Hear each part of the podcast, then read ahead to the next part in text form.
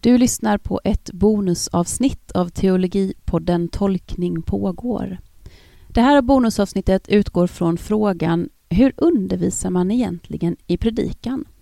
Och det är jag, Ida Vreland, som samtalar med Anders Göransson som är lärare i homiletik, alltså i läran om predikan, på Utbildningsinstitutet i Uppsala. Anders har varit präst både i Sverige och i Sydafrika där han också har undervisat i bland annat homiletik. Samtalet är inspelat i Uppsala under teologifestivalen i, i februari i år där tolkning pågår såklart var med och poddade. Och det blev ett samtal som kom in på humor och spontanitet i predikan, om våra personliga infallsvinklar i tolkandet, om skillnader mellan predikotraditioner i Sverige och Sydafrika och varför det är så läskigt att predika inför andra teologer. Och självklart mycket mer. Och nu börjar vi.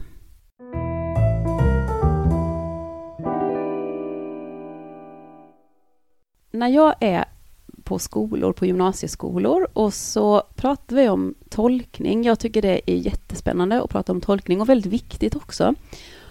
Och då brukar många gymnasieelever säga, men vadå tolkning? Det står ju som det står i skrifterna. Eh, oavsett, religion spelar ingen roll, liksom, de tänker generellt överlag. Det står ju som det står. Du kan ju inte tolka hur som helst. Eh, skrifterna tolkar sig själva.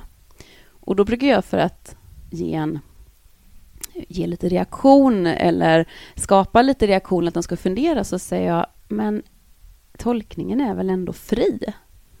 Hur pratar ni om det här på Utbildningsinstitutet kring tolkning och tradition? Och vad, får man, vad får man tolka hur som helst egentligen? Ja, när jag undervisar i, i homiletik så, så pratar vi ju mycket också om tolkning, hermeneutik, självklart. Ehm, vi är ju ett institut som ska utbilda präster för hela Svenska kyrkan från alla 13 stift.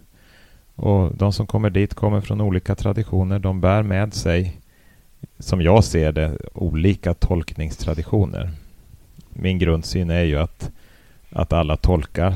Det finns ju ingen möjlighet att bara predika precis om det står. Mm. Utan något perspektiv lägger vi ju på texten. Och Det som jag är mån om det är att de som predikar ska bli medvetna om vilket perspektiv de har och mm. kunna argumentera för det, ge skäl för det. Det är inte så ofta jag ifrågasätter. Eh, de har ju blivit antagna av ett stift. De har, har gått igenom ingående samtal med biskop, stiftsrekryterare och så vidare. Eh, vi som utbildar får ju nästan utgå från att den person som kommer till oss är, är lämplig, är utvald. Mm. Har den här både inre och yttre, yttre kallelsen. Så vad vi kan eh, undervisa i det är just att bli medveten om sitt perspektiv. Hur gör man det då? Det låter jättespännande. Jag kan inte minnas när jag gick på, då hette det Pastoralinstitutet, jag kan inte minnas eh, just att någon försökte göra mig medveten om mitt perspektiv. Men hur gör ni? Ja, senast fick de ta med sig i en av klasserna en predikan som de hade hållit. Och så fick de sitta två och två och läsa upp predikan för varandra mm. och, och hjälpas åt att försöka titta hur, hur har jag läst den här texten? Vad är det för perspektiv jag har lagt på den? Mm. Och det finns ju olika slags perspektiv. Martin Luther, hans perspektiv var ju liksom, eller tolkningsnyckel, det var ju att allting skulle syfta till att, att förkunna nåd, frälsning, eh, av tro alena. Eh, ja, i Sydafrika så har man ju alltid ett kontextuellt grepp. Det, det, den, den, bibeltext man läser, den måste handla om, mm. ja, i deras fall då Sydafrika. Och där har man också bestämt sig i den tradition jag har levt i att det ska läsas ur de fattigas perspektiv. Alltid mm. med deras bästa för ögonen. Och vid det universitet där jag undervisade så la man också alltid ett genusperspektiv på det man läste. Så att det går ju att lägga olika perspektiv mm. och försöka bli medveten om de maktrelationer, den maktordning som finns i en text. Att lyssna till röster som inte hörs, som finns tystade eller inte artikulerade. Mm. Eh, så det går att göra på väldigt många olika sätt. Om vi jämför med Sydafrika och studenter i Sverige, eller teologi, teologistudenter i Sverige, just de här olika perspektiven, att du sa att det fattig, den fattigas, den fattigas ögon Mm. i Sydafrika och också genusperspektivet. Är det, jag vet inte om det är mina fördomar, men jag känner att det kanske inte är lika starkt, det perspektivet, i vår kontext. Eller? Är det något annat du kan se här som... Ja, när, när de studerande ska kontextualisera då, Mm. då finns det väl med kanske. Det kan handla om miljön, det kan handla om flyktingkrisen Mm. som vi upplever i världen. Eh, Det som, det som är utmaningen, som jag ser det, det är som, som luthersk predikant att det inte ska bli gärningslära. Utan Mm. att det, det måste finnas en evangelisk ton, en evangelisk vändning Mm. i, på något sätt i predikan. Där man går ifrån eh, predikohändelsen upplyft, stärkt, befriad. Mm. Också utmanad självklart. Det, det finns, men en, vi läser en intressant bok eh, av Walter Bryggeman som är amerikansk professor, metodist, Mm. eh, om att predika profetiskt. Och Mm, och han menar att mång- mycket profetisk predikan, det blir någon slags social aktivism. Mhm. Eh, och, och det budskap man hör skulle man kunna ha hört på ett Amnesty International-möte eller Mm. Röda Korsets samling eller något sånt där. Och han menar då att en kristen profetisk predikan, den, den måste först ge utrymme för eh, klagan, lamentation som han skriver. Mm. Man, och, och det bygger han på Gamla Testamentets profeter. Mm. De, de grottar verkligen ner sig i eländet och tar ut svängarna och sörjer över sakernas tillstånd. Ja. Och den andra delen som han för fram, det är hoppet. Mm. Och hoppet, enligt Bryggeman, det, det målar man i bilder i, eh, ja, i, i poetiska termer. Mm. Eh, Och vi blir ibland lite för prosaiska i vårt predikande. Mm. Om jag tar ett exempel när man ska predika om miljön Mm. så går man ganska snabbt över det här eländet och hamnar i någon slags tips till församlingen. Mm. Att man kan sopsortera, man kanske kan eh, spola lite mindre och sådär. Och det blir ju, Mm. man blir inte så upplyft av det och man Mm. vet det redan man, när man kommer till kyrkan. Hur hade du velat att det varit istället? Jag, jag håller med dig. Jag tror Ja. också att vi, vi vågar inte riktigt vara kvar i den där klagan. Nej, jag, jag, jag, jag ska inte säga att jag är bra på det här heller. Men jag, jag tror att, att man, man ska våga stanna upp lite och beskriva Mm. eh, tillvaron och gärna göra det med hjälp av bilder. Mm. Och, och då kan vi använda det som finns i Gamla Testamentet. Mm. Eh, och de exempel som finns. Bryggeman tar upp Martin Luther King när han talar om sin dröm då. Mm. Han, han, då befinner han sig på berget eh, som Mose Mm. och ser in i det förlovade landet och drömmer. Och, och, och drömmer man liksom om eh, hur framtiden skulle kunna vara så behöver det ju inte vara, men då hamnar man inte i den här frågan om man ska ta det bokstavligt eller inte. Det, det Just ligger det. på ett annat plan helt enkelt Mm. och, och människor kan känna sig eh, stärkta när Mm. de går ifrån predikan.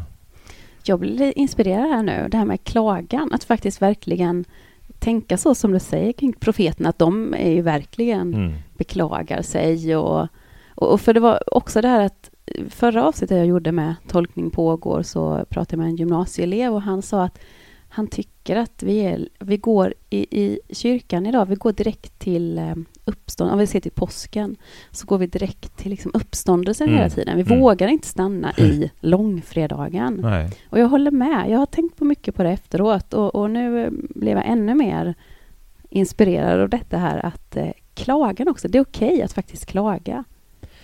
Ja, jag tror att vi vet ju det som präster när vi följer människor i en sorg, Mm. Ett sorgsammanhang, att det måste Precis. få ta tid. Precis, Mm. och att inte bara sopa undan utan att faktiskt också våga vara kvar i det mörka Mm. en, en stund. Mm. Men jag ska villigt erkänna att jag är också i början av, av det här tänkandet. Mm. eh, det jag har med mig från Sydafrika, det är ju mycket humor i Ja. predikan. Och det är också väldigt hoppfullt Mm. att kunna... Att, alltså inte sådana här plumpa skämt Nej. eller eh, ordvitsar, utan den där djupare humorn som till exempel Desmond Tutu står för. Mm. Ja, vad bra att du sa det. För det är också någonting som jag har tänkt på eh, sista gångerna. Jag har också tagit upp det i den här podden med dem jag pratat om och frågat lite, men hur ska man göra? För att när jag har dopsamtal eller, eller vad heter det, eh, när jag har dop och begravningar eller vigslar, då kommer humorn faktiskt, också på begravningar tycker jag, att man kan säga någonting som får alla att le lite, Mm. skratta lite igenkännande. Mm. Är det dop och vigslar så kan man ju bre ut sig lite, våga lite mer så, så att de faktiskt skrattar lite befriande. Men pre- predikan är jag så dålig på att använda mig av humorn. Jag, jag eh, får inte riktigt till det. Eh, Jag glömmer bort det. Jag Mm. tänker att oh, vad, jag blir så allvarlig och jag är inte så allvarlig annars. Ehm, jag har såklart både allvar och humor. Men hur, hur, vad har du lärt dig från Sydafrika? Hur använder vi oss av humorn? Ja, det, det främsta exemplet från Sydafrika, men det är svårt i Sverige, det är Mm. att mitt i predikan avbryta alltihop. Ta upp en sång, Mm. få hela församlingen på fötter. Så sjunger man i någon minut, ett par, Mm. tre, fyra minuter. Någonting medryckande, folk blir glada. Mm. Och då, då är man ju redan liksom i den sinnesstämningen. Då är det åtminstone för mig lättare att också säga någonting som, Mm. som gör att folk ler. Har du provat det i Sverige?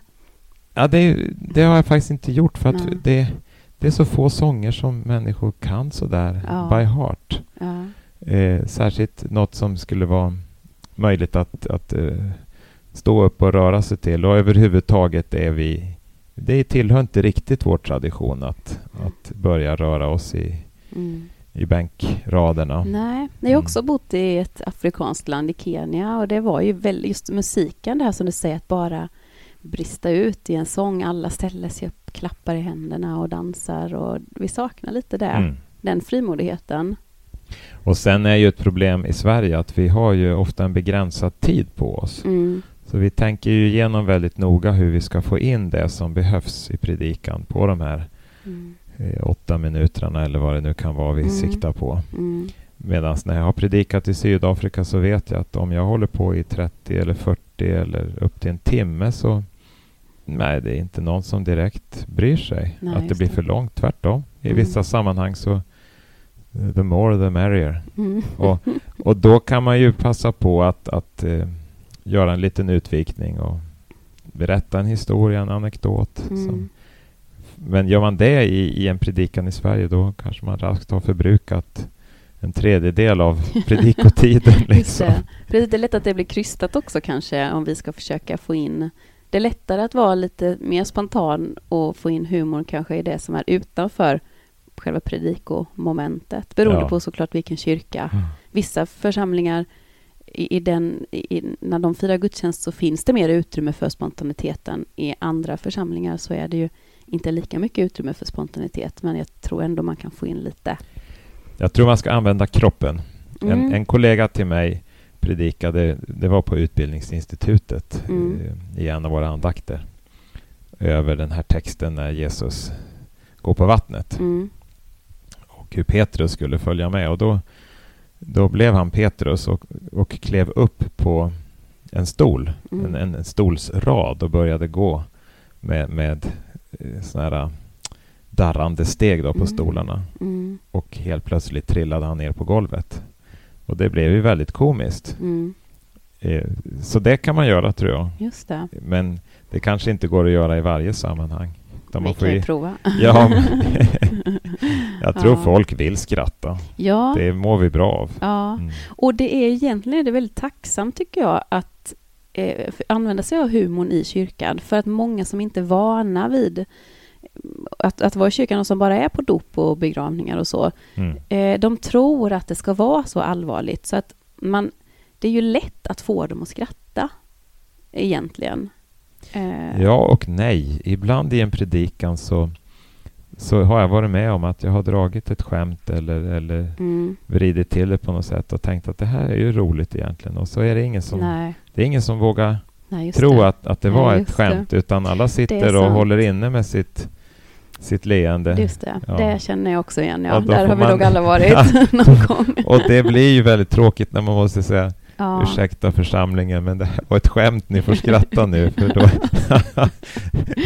ja. ja, då faller lite det. Mm. Ja, det är sant. Det är sant. Ja.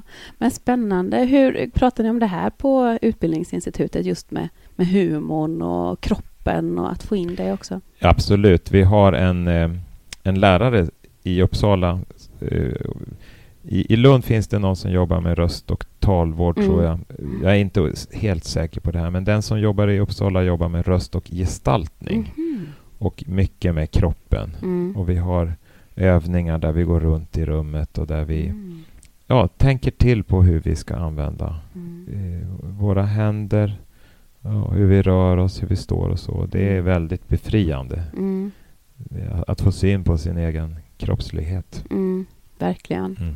Är, tänker du att teologistudenter, de som går precis nu här snart prästvigas, att de är lite frimodigare i de sammanhangen, att kunna våga och testa det? Frimodiga, frimodigare än? Än eh, oss andra som har jobbat ett tag och vi går liksom i våra lunk och kör på vårt gamla vanliga sätt, att de vågar prova lite mer. Ja och nej. Alltså det är väldigt individuellt. Mm. Men de kommer ju, många av dem, från fyra års akademiska studier. Det sätter sin prägel. Det. Mm. det. är mycket i huvudet mm. på många. Mm. Och att, eh, att få det att liksom koppla ihop med, med kroppen. Mm. Men det är ju det det här slutåret går ut på. Att, att, vi brukar säga att vi jobbar praxis, teori, praxis. Så att vi börjar och, och öva och mm. prova och testa och sen stannar upp och frågar vad var det som hände? Varför gjorde du så där? Varför sa vi så där? Mm. Vad står den här bönen för eller den här handlingen? Och sen så testar mm. vi igen. Men det uppskattar de flesta. Mm. Det tror jag. Man mm. vill mm. eh, få syn på vad som händer. Tidigare vet jag att det har använts eh, videoinspelning och sådär. Men det är inte så vanligt nu. Det hade vi, vet jag. Ja. Jätteläskigt. Och vi hade det också på ja. 80-talet. Ja. ja. jag tycker det är bra. Jag tycker det är jättebra, mm. men det är fruktansvärt otäckt. Hur har ditt sätt kring att tänka, när du predikar, hur har ditt sätt förändrats när du har mött alla de här studenterna genom åren, både i Sydafrika men nu också sista tiden här i Uppsala? Ja, jag är ju i den situationen att jag inte predikar så väldigt ofta. Mm, då är vi två då. Ja. Mm. Och det sörjer jag. Alltså jag försöker att hitta predikotillfällen mm. i Uppsala och jag blir inbjuden ibland. Så det är roligt. Ja, jag blev mer medveten om hur jag själv predikar. Och kanske att jag ibland har försökt att, att eh, testa olika predikomodeller som finns i litteraturen. Mm. Sånt som vi undervisar om. Mm. För jag tänker mig att om jag ska undervisa en viss metod eller modell eller mm. upplägg mm. så måste jag ha en egen erfarenhet av det. Mm. Och då har det i något fall blivit fullständigt pannkaka. Och jag har känt efteråt att det här var inte alls min modell. Men då har jag i alla fall den erfarenheten. Mm. Det har hänt till och med någon gång att någon god vän har kommit efteråt och frågat vad var det med dig idag? ja, men testar man så har man ja. inte, så vet man inte hur det... Mm. Ja, det hade ju kunnat klicka också. Ja, jo, ja. ibland så, är, så blir det bra. Mm, mm. Eh. Hur, jag, jag bara, nu när du säger det här så bara kommer jag att tänka på att eh, när jag pluggade så var det det här man, man pratade kring predikan att antingen en del tyckte att en predikan ska vara väldigt teologisk och eh, ja, men så teologiska smarta eh, twister eller eh, man ska visa att man är ganska påläst och så. Men sen hade vi den andra lägret där nej, men det ska vara det här mer vardagsnära, ta exempel från det vardagliga livet. Själv tycker jag att det behöver inte egentligen stå i motsättning. Är det någonting som ni pratar om, det här balansen mellan det här olika, det vardagliga, det teologiska? Mm. Hur får man ihop det? Jo, men det, alltså det har ju att göra med vilka som kommer till en gudstjänst naturligtvis. Mm, mm. Även det vardagliga måste ju vara eh, teologiskt genomtänkt. Mm. Det, det tycker jag nog att vi säger Mm. och pratar om. Eh, och sen måste finnas en, en, en kontakt mellan Bibelns budskap, den kristna tron, Mm. och det sätt på vilket vi kontextualiserar budskapet.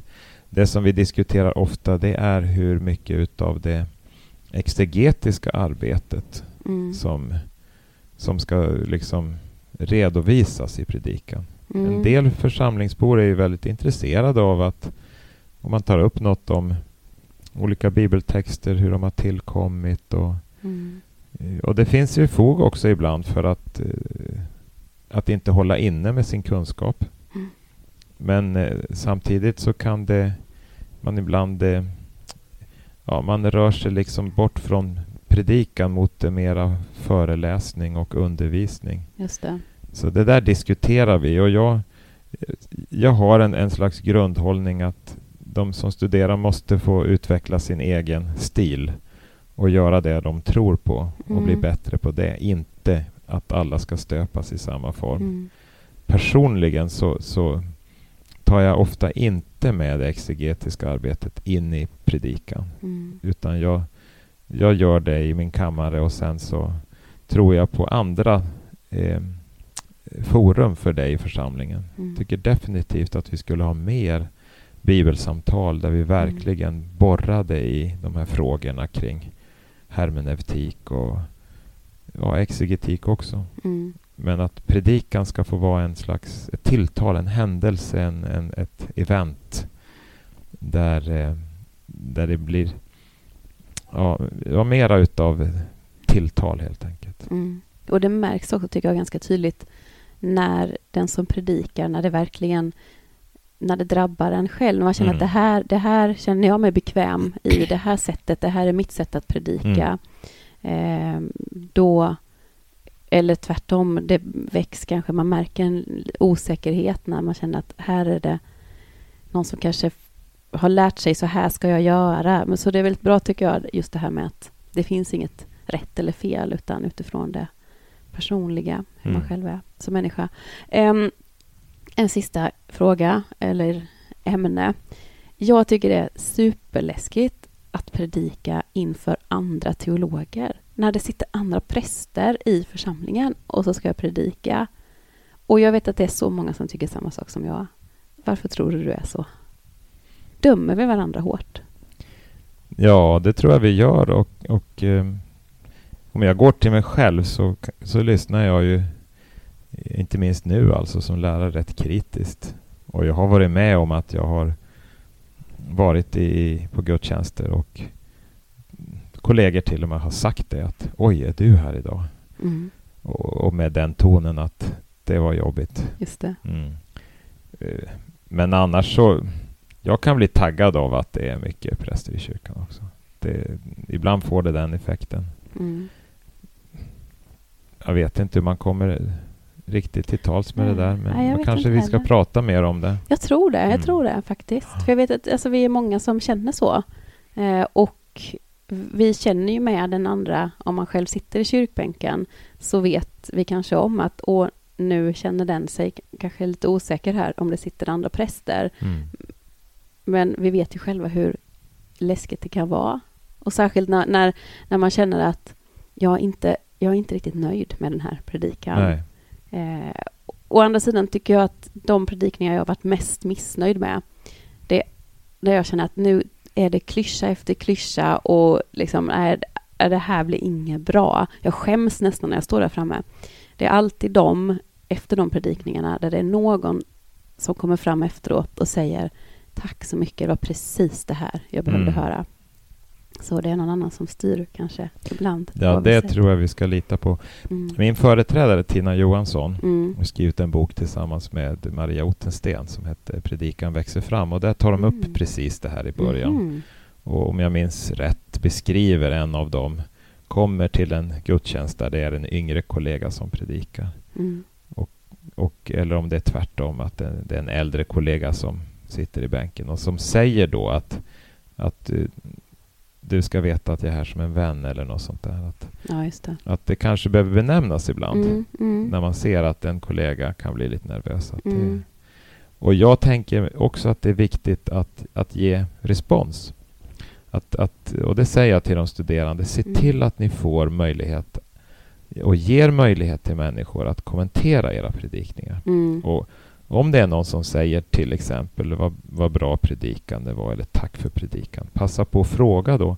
eh, Har du lust att säga vad det var som var Mm. bra? just det. Och, och det kanske vi som kollegor också kan vinnlägga oss om att, att lyssna aktivt efter någonting bra i predikan Mm. och gå fram efteråt och säga att du vad, vad fint det var det där du sa. Det Mm. blev jag glad för. Då hjälper vi ju varandra att bli mer avslappnade Mm. och säkert bli bättre Mm. på att predika. Det får bli slutorden.